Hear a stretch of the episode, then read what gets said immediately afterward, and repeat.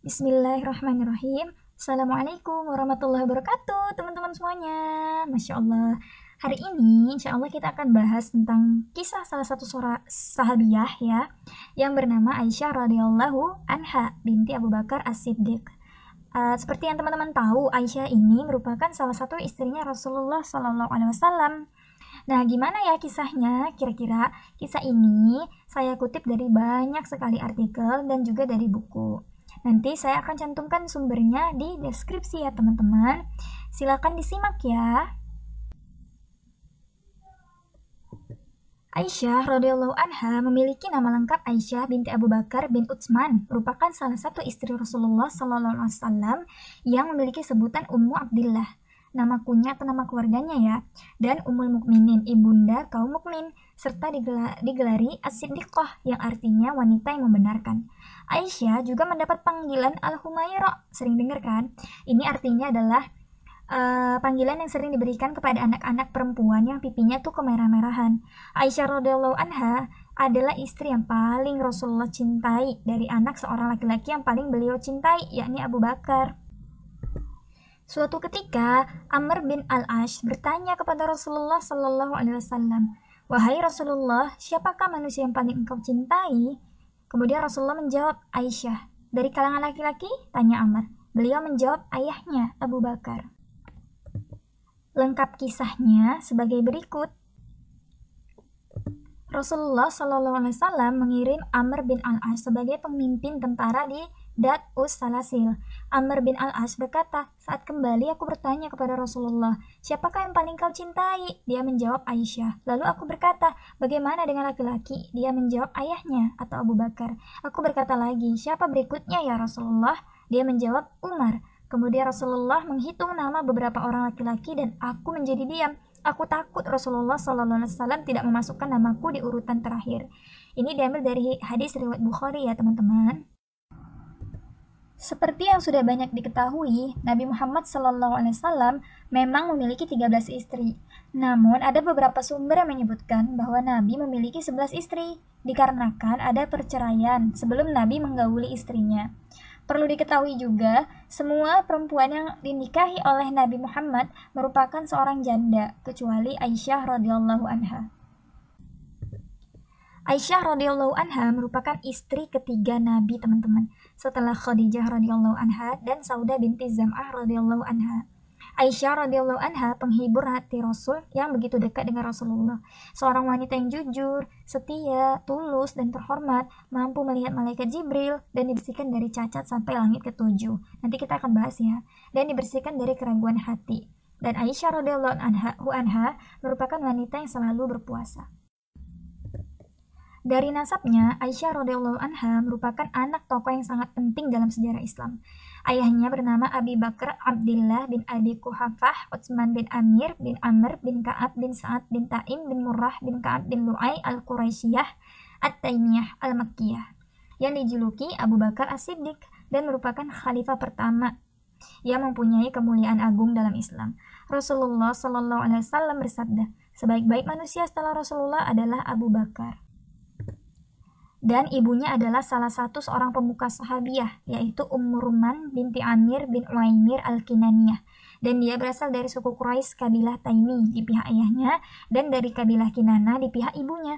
Ummu Ruman merupakan istri kedua Abu Bakar radhiyallahu anhu dan merupakan sahabat wanita agung.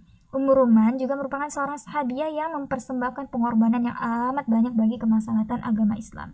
Jadi orang tuanya Aisyah ini memang Masya Allah keren-keren Abu Bakar dan Umur Ruman, salah seorang pemuka sahabiah. Rasulullah bersabda tentang keagungan Umur Ruman. Siapa yang ingin melihat bidadari, maka hendaklah ia melihat Umur Ruman. Ibu Aisyah atau Umur Ruman sendiri wafat saat Rasulullah masih hidup, yakni tahun ke-6 Hijriah. Umur Ruman juga melahirkan seorang anak laki-laki yang bernama Abdurrahman. Aisyah juga memiliki ketersambungan nenek moyang dengan Nabi Shallallahu Alaihi Wasallam seperti dinukilkan dari buku berjudul Aisyah karya Sulaiman An-Nadawi. Disebutkan moyang Aisyah bertemu dengan moyang Rasulullah di kakek yang ketujuh. Sementara moyang Aisyah dari pihak ibunya bertemu di kakek yang ke-11 atau ke-12 Aisyah lahir dalam keluarga yang besar kiprahnya dalam hal jihad dan pengorbanan demi penyebaran agama Islam. Sebab rumah Abu Bakar menjadi tempat yang penuh berkah, di mana Abu Bakar termasuk orang yang memeluk Islam paling awal. Karena itu, Aisyah termasuk orang-orang yang terpilih yang bernasib baik lantaran telinganya tidak mendengar seruan kemusyrikan dan kekufuran. Beliau lahir dalam masa Islam dan dilahirkan oleh orang tua yang mulia dan beriman kepada Allah. Aisyah radhiyallahu anha berkata, Ketika aku mulai bisa mengenal orang tuaku, kudapati mereka telah memeluk Islam. Jadi memang Aisyah lahir dalam keluarga yang memang Islamnya itu sudah kuat teman-teman. Aisyah disusui dan diurus oleh istri Wa'il Abu Al-Qais. Sejak masih kecil, Aisyah sudah menunjukkan tanda-tanda kecerdasannya. Aisyah juga memiliki wawasan yang baik dan pengetahuan agama yang cukup, serta tanggap dalam melihat segala sesuatu. Aisyah lahir 4 atau 5 tahun setelah Rasulullah diangkat menjadi seorang rasul dan saat kecil Aisyah sangat mengenal ayahnya, Abu Bakar, dan mampu membaca setiap kekhawatiran ibunya yang berharap suaminya, yakni Abu Bakar, selalu pulang ke rumah dengan selamat. Aisyah juga mampu membaca kebahagiaan kakaknya, yaitu Asma binti Abu Bakar radhiyallahu anha saat menunggu ayahnya pulang sebagai hadiah. Aisyah memang berbeda dari kawan-kawannya. Ia jadikan setiap detik kesabaran menunggu kepulangan ayahnya sampai kembali ke rumah sebagai puisi. Dongeng atau bintang kecil di hatinya. Ayah adalah penyelamat kami. Bertemu dengan ayah dalam keadaan sehat adalah harapan kami. Adalah puisi yang selalu dikutip Aisyah untuk menjawab setiap tanya kabar dari sang ayah ketika sampai di rumah. Keinginan Aisyah yang besar terhadap puisi adalah sebuah warisan dari keluarga. Keluarganya menjadi tempat pertama yang membantunya tumbuh menjadi perempuan yang istimewa. Tak hanya laki-laki yang tahu bagaimana membaca dan menulis serta menghitung dan pengetahuan sejarah. Para perempuan di keluarganya juga dididik untuk belajar membaca, menghafal, dan mengetahui adab berbicara sopan santun seperti yang diajarkan kepada laki-laki. Tak heran jika Aisyah tumbuh menjadi seorang yang penuh rasa ingin tahu. Aisyah hidup pada suatu masa ketika hak berkata dan berpendapat hanya ada pada orang-orang yang memiliki kekuasaan dan kekuatan, sama halnya dengan kebebasan dan harga diri. Namun, Aisyah nggak pernah merasakan kesusahan dalam menyampaikan tanya dan pendapatnya. Ia percaya bahwa selamanya ia adalah putri kata-kata. Ia jadikan sebagian besar kekuatannya dalam berkata sebagai tanda syukurnya kepada Allah dan sekuat tenaga memohon pertolongan kepadanya. Ia cerdas dan mencerdaskan. Ia baik dan menyebarkan banyak kebaikan. Jadi Aisyah memang uh, seorang anak yang suka bertanya-tanya gitu. Kalau ada yang bingung ditanya. Saat menginjak usia 7 atau 8 tahun, Aisyah sudah mulai mampu merenungkan segala hal. Berbeda dari teman-teman seusianya yang lain, ia bisa memahami hadis-hadis Rasulullah SAW, mengingatnya dan kemudian meriwayatkannya. Bahkan, ia juga mampu menjelaskan hikmah-hikmah dari peristiwa yang dialaminya saat masih kecil. Saat bermain pun, jika mendengar ayat Allah dibacakan, ia bisa mengingatnya. Wah, Masya Allah ya Aisyah. Cerdas. Aisyah berkata, ada satu ayat yang turun kepada Muhammad SAW di Mekah ketika aku masih kecil dan sedang bermain-main, yaitu Quran Surah Al-Qamar ayat 46. Ketika Rasulullah SAW hijrah ke Madinah, usianya belum mencapai 8 tahun, akan tetapi ia mampu mengingat peristiwa hijrah Nabi dan seluk-beluknya. Awal Abu Bakar ingin menikahkan Aisyah. Kala usia 6 atau 7 tahun, ayah Aisyah Abu Bakar merasa anak perempuannya sudah cukup usia untuk menikah. Oleh karena itu, Abu Bakar akan menikahkan Aisyah dengan Jubair bin Mut'aim. Namun, pernikahan tersebut dibatalkan lantaran ayah Jubair Mut'aim bin Adi tidak setuju sebab keluarga Abu Bakar merupakan keluarga Islam. Istri Mut'aim bin Adi mengatakan tidak mau keluarganya mempunyai hubungan dengan kaum muslim yang dapat menyebabkan Jubair nantinya akan berpindah ke agama baru itu. Jadi, gak jadi dinikahkan dengan Jubair bin Mut'aim karena keluarga Jubair bin Mut'aim itu tidak setuju ya teman-teman. Rasulullah SAW sendiri menikahi Aisyah atas perintah Allah setelah meninggalnya Sayyidah Khadijah radhiyallahu anha wafatnya Sayyidah Khadijah meninggalkan duka dalam bagi Rasulullah SAW. Bagaimana tidak, Khadijah radhiyallahu anha sendiri telah banyak berpengaruh dalam hidup beliau dan agama Islam. Sifat penyayang dan keibuan yang dimiliki Sayyidah Khadijah telah membuat beliau sangat mencintai mencintainya. Siapa yang tidak sedih ditinggal sang kekasih dengan sifat yang mulia semacam itu? Aisyah radhiyallahu anha menuturkan bahwa Rasulullah sallallahu alaihi wasallam bersabda, Aku bermimpi selama tiga malam. Malaikat datang kepadaku dengan membawa gambarmu dalam sepotong kain sutra seraya berkata, inilah istrimu. Lalu aku buka kain penutup wajah tersebut. Ternyata itu adalah gambarmu. Saat itu aku bergumam, jika ini kehendak Allah, maka pasti akan terjadi. Hadis riwayat Bukhari dan Muslim. Jadi memang uh, Rasulullah itu sudah bermimpi gitu ya. Ternyata uh, nantinya Aisyah ini akan menjadi istri Rasulullah. Nah, jika itu kehendak Allah, kata Rasulullah kan, maka pasti akan ter terjadi. Allah Subhanahu wa taala telah mempersiapkannya, mempersiapkan Aisyah untuk menjadi pendamping Rasulullah sallallahu alaihi wasallam dalam mengemban amanah risalah yang akan menjadi penyejuk mata dan pelipur lara bagi diri beliau. Suatu hari Jibril memperlihatkan kepada Rasulullah gambar Aisyah pada secari kain sutra berwarna hijau sembari mengatakan, "Ia adalah calon istrimu kelak di dunia dan di akhirat." Hadis riwayat Tirmizi. Ini hadis yang hampir sama dengan yang tadi ya teman-teman, cuman ini periwayatnya adalah At-Tirmizi. Kisah pernikahan Aisyah dengan Rasulullah Sallallahu Alaihi Wasallam. Pada saat Rasulullah menikahi Aisyah, beliau memberinya mahar sebesar 400 dirham. Aisyah menikah dengan Rasulullah 2 atau 3 tahun sebelum Hijriyah pada bulan Syawal saat Aisyah itu berusia 6 atau 7 tahun. Ada banyak perdebatan mengenai usia Aisyah saat menikah dengan Rasulullah. Menurut buku The Life of Muhammad, karya Casey Ali dengan mengutip ulama Tabari, juga menurut Hisham Ibnu Urwah, Ibnu Hunbal dan Ibnu Sa'd, Aisyah dipinang Nabi saat berusia tujuh tahun dan mulai menjalani kehidupan rumah tangga bersama Nabi ketika Aisyah itu sudah berusia sembilan tahun.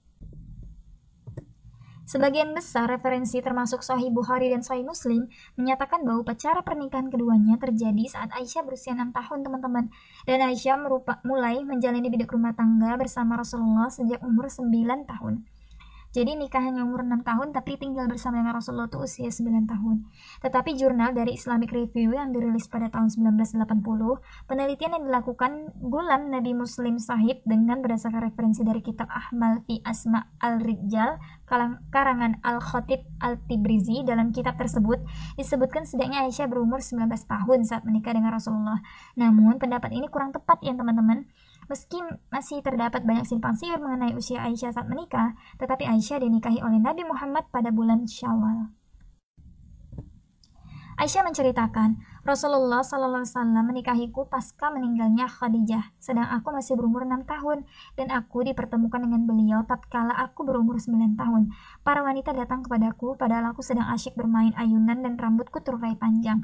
Lalu mereka menghiasiku dan mempertemukan aku dengan Nabi SAW. Dan pada saat yang sama, sebelum Rasulullah menikahi Aisyah, Rasulullah menikahi Saudah binti Zum'ah radhiyallahu anha, istri kedua Rasulullah tadi ya teman-teman setelah Khadijah. Tetapi Rasulullah tidak membawa Aisyah seketika itu setelah menikahinya dan hanya membawa Sayyidah Saudah radhiyallahu anha serta tinggal bersamanya selama tiga tahun. Setelah Aisyah berusia 9 tahun, barulah Rasulullah membawa Aisyah tinggal bersama Rasulullah, yaitu pada bulan Syawal tahun 1 atau kedua Hijriah setelah peristiwa Perang Badar. Kemudian, hidup rumah tangga itu berlangsung dalam suka dan duka selama 8 tahun 5 bulan atau 9 tahun, hingga Rasulullah SAW meninggal dunia pada tahun 11 Hijriah, sedang Aisyah baru berumur 18 tahun. Kisah peminangan Sayyidah Aisyah radhiyallahu anha. Wafatnya Sayyidah Khadijah meninggalkan duka dalam bagi Rasulullah Bagaimana tidak, Khadijah sendiri telah banyak berpengaruh dalam hidup beliau dan agama Islam. Sifat penyayang dan keibuan yang dimiliki Khadijah telah membuat Rasulullah itu sangat mencintainya. Melihat kesedihan, Rasulullah yang begitu dalam, para sahabat pun ikut merasa susah dan payah dengan keadaan ini. Para sahabat memikirkan bagaimana kesedihan Rasulullah segera hilang gitu, sehingga beliau kembali dalam keadaan ceria. Hingga pada suatu hari datanglah sahabat yang bernama Khawla binti Hakim kepada Rasulullah. Wahai utusan Allah, apakah engkau tidak ingin menikah lagi? Tanya Haulah kepada Rasulullah. Dengan siapa? Kata Rasulullah. Dengan kesukaan hatimu, apakah engkau menginginkan perawan atau janda? Kata Haulah. Jikalau perawan siapa dan jikalau janda siapa? Tanya Rasulullah lebih dalam. Jikalau anda berkenan seorang perawan, maka ia adalah Sayyidah Aisyah binti Abu Bakar, putri dari seorang makhluk Allah yang engkau cintai. Dan jikalau engkau berkenan seorang janda, maka ia adalah Saudah binti Zam'ah, ia adalah seorang perempuan yang telah beriman dan mengikuti ajaranmu, jawab Khawlah. Jikalau begitu, pergilah dan beritahu kepada mereka berdua atas pinanganku. Pinta Rasulullah mengiyakan usulan dari Haula tadi. Lalu pergilah Haula menghadap Abu Bakar. Sesampainya di rumah Abu Bakar, Haula bertemu dengan Ummu Ruman, istrinya Abu Bakar, ibunya Aisyah. Wahai Ummu Ruman, sungguh Allah Ta'ala telah memberikan kepadamu kebaikan dan keberkahan. Ucap Haula kepada Ummu Ruman. Apakah itu? Tanya Ummu Ruman penasaran atas ucapan Haula. Saya diutus Rasulullah untuk menyampaikan pinangan beliau kepada Sayyidah Mendengar perkataan Haula yang mengejutkan, Umur Ruman hanya terdiam, seakan-akan tidak percaya dengan apa yang telah dikatakan oleh Haula. Tunggulah sebentar sembari Abu Bakar datang, jawab Umur Ruman keheranan. Tak lama kemudian, datanglah Abu Bakar. Haula pun menyampaikan apa yang menjadi hajat kedatangannya. Tidak kalah herannya dengan Umur Ruman, Abu Bakar sangat kaget mendengar kabar tersebut. Apakah Aisyah boleh menikah dengan Rasulullah? Bukankah dia putri dari saudaranya sendiri? Haula pun segera menemui Rasulullah untuk menyampaikan pertanyaan dari Abu Bakar. Rasulullah berkata, temui kembali Abu Bakar dan sampaikan kepadanya, engkau adalah saudaraku dalam Islam, aku tetap menjadi saudaramu, dan putrimu Aisyah halal untuk aku nikahi. Bergegaslah Khawla menemui Abu Bakar dan menyampaikan apa yang dikatakan oleh Rasulullah. Setelah semuanya jelas, Abu Bakar pun menerima pinangan Rasulullah untuk Aisyah. Abu Bakar pun menikahkan Aisyah dengan Rasulullah. Pada saat itu, Aisyah adalah seorang gadis yang baru berumur 6 tahun yang tadi udah kita bahas juga ya ada yang bilang enam tahun dan ada juga yang mengatakan tujuh tahun begitulah kisah bagaimana Rasulullah meminang Sayyidah Aisyah tidak semata-mata karena nafsu Rasulullah ya teman-teman menikahi Sayyidah Aisyah yang masih dalam keadaan seorang gadis mungil yang nggak tahu apa-apa pernikahan itu didasari wahyu yang diterima Rasulullah dari Allah Ta'ala kisah ini dikutip dari kitab Aisyah Ummul Ummu al-Mu'minin karya Sayyid Muhammad Ramadan al-Buti. Dan tentang hari pernikahan Aisyah radhiyallahu anha dengan Rasulullah, Aisyah menggambarkan sebagai berikut. Rasulullah mendatangi rumah kami lalu berkumpullah sejumlah laki-laki dan wanita Ansar. Selanjutnya, ibuku mendekatiku saat aku sedang memanjat di antara dua pelepah kurma. Ibu menurunkanku, lalu merapikan rambutku dan mengusap wajahku dengan sedikit air. Setelah itu, ibu bergegas menuntunku pulang ke rumah, dan ketika sampai di pintu, ibu menghentikanku ketika napasku terengah-engah. Selanjutnya, ibu mengajakku masuk sementara Rasulullah SAW sedang duduk. Ibu menundukkanku di pangkuannya sambil berkata, mereka adalah keluargamu, semoga Allah memberkahimu karena mereka dan semoga dia memberkahi mereka karenamu. Ketika Aisyah telah berusia 9 tahun dan dibawa oleh Rasulullah tinggal bersama di rumah Rasulullah di awal-awal kedatangan beliau Sallallahu Alaihi Wasallam di Madinah pada tahun kedua atau pertama Hijriyah, rumah itu hanyalah sebuah kamar di antara beberapa kamar yang dibangun mengelilingi masjid dan terbuat dari bata dan batang kurma. Sehingga jika istri beliau Aisyah tidur, maka sebagian tubuhnya itu menghalangi Nabi yang sedang sholat. Dari Aisyah radhiyallahu anha, istri Nabi Sallallahu Alaihi Wasallam, ia berkata, Aku tidur di depan Rasulullah SAW yang sedang sholat, dan kedua kakiku pada kiblat beliau. Jika beliau hendak bersujud, beliau menyentuhku dengan jarinya, lalu aku menarik kedua kakiku. Jika beliau telah berdiri, aku melurus, meluruskan kedua kakiku. Di dalam rumah ini diletakkan satu alas tidur dari kulit kayu.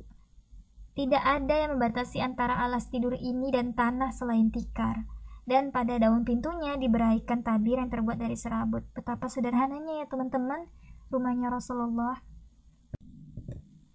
Dari Aisyah radhiyallahu anha ia berkata, Suatu malam aku kehilangan Rasulullah sallallahu alaihi wasallam dari tempat tidur. Kemudian aku mencarinya. Lalu tanganku mengenai kedua telapak kaki beliau sebelah dalam ketika beliau sedang di tempat sujud. Hadis riwayat Muslim. Sejak Aisyah menginjakkan kaki di rumah Muhammad SAW, semua merasakan keberadaannya. Jika ada seorang gadis yang mengetahui apa yang sedang dihadapi, ia adalah Aisyah binti Abu Bakar. Aisyah telah membangun kepribadian sejak hari pertama ketika ia memasuki rumah Rasulullah yang mengelilingi masjid itu. Di dalam kamar yang sederhana itulah Sayyidah Aisyah radhiyallahu anha tumbuh menjadi guru setiap wanita di seluruh dunia dan sepanjang sejarah. Aisyah menjadi istri terbaik yang selalu menghibur Rasulullah, memberikan kebahagiaan dan menghilangkan beban Rasulullah. Aisyah juga mampu bersabar bersama Rasulullah dalam menghadapi kemiskinan dan kelaparan teman-teman. Sampai-sampai pernah melewati berhari-hari tanpa ada sesuatu yang bisa dimasak di rumah, hingga hanya makan kurma dan air saja. Aisyah radhiyallahu anha mengatakan, Pernah kami melalui satu bulan yang ketika itu kami tidak menyalakan api sekalipun di rumah. Yang kami miliki hanyalah kurma dan air. kecuali ada yang memberi kami hadiah berupa potongan daging kecil untuk dimakan. Begitu sederhananya ya teman-teman kehidupan Aisyah dengan Rasulullah. Dari Aisyah radhiyallahu anha juga mengatakan, Rasulullah shallallahu alaihi wasallam bertanya kepadaku pada suatu hari, "Wahai Aisyah, apakah engkau memiliki sesuatu untuk dimakan pagi ini?" Lalu Aisyah menjawab, "Wahai Rasulullah, kita tidak memiliki sesuatu pun untuk dimakan." Beliau lalu bersabda, "Kalau begitu aku akan puasa." Karena nggak ada yang bisa dimakan, teman-teman. Jadi Rasulullah puasa. Tatkala istri-istri Nabi Wasallam diberi pilihan untuk tetap bersama Nabi dengan kehidupan apa adanya atau dicerai, diceraikan dan akan mendapatkan dunia, maka Aisyah adalah orang pertama yang menyatakan tetap bersama Nabi Shallallahu Alaihi Wasallam bagaimanapun kondisi beliau, sehingga istri-istri Nabi Shallallahu Alaihi Wasallam yang lain mengikuti pilihan-pilihannya.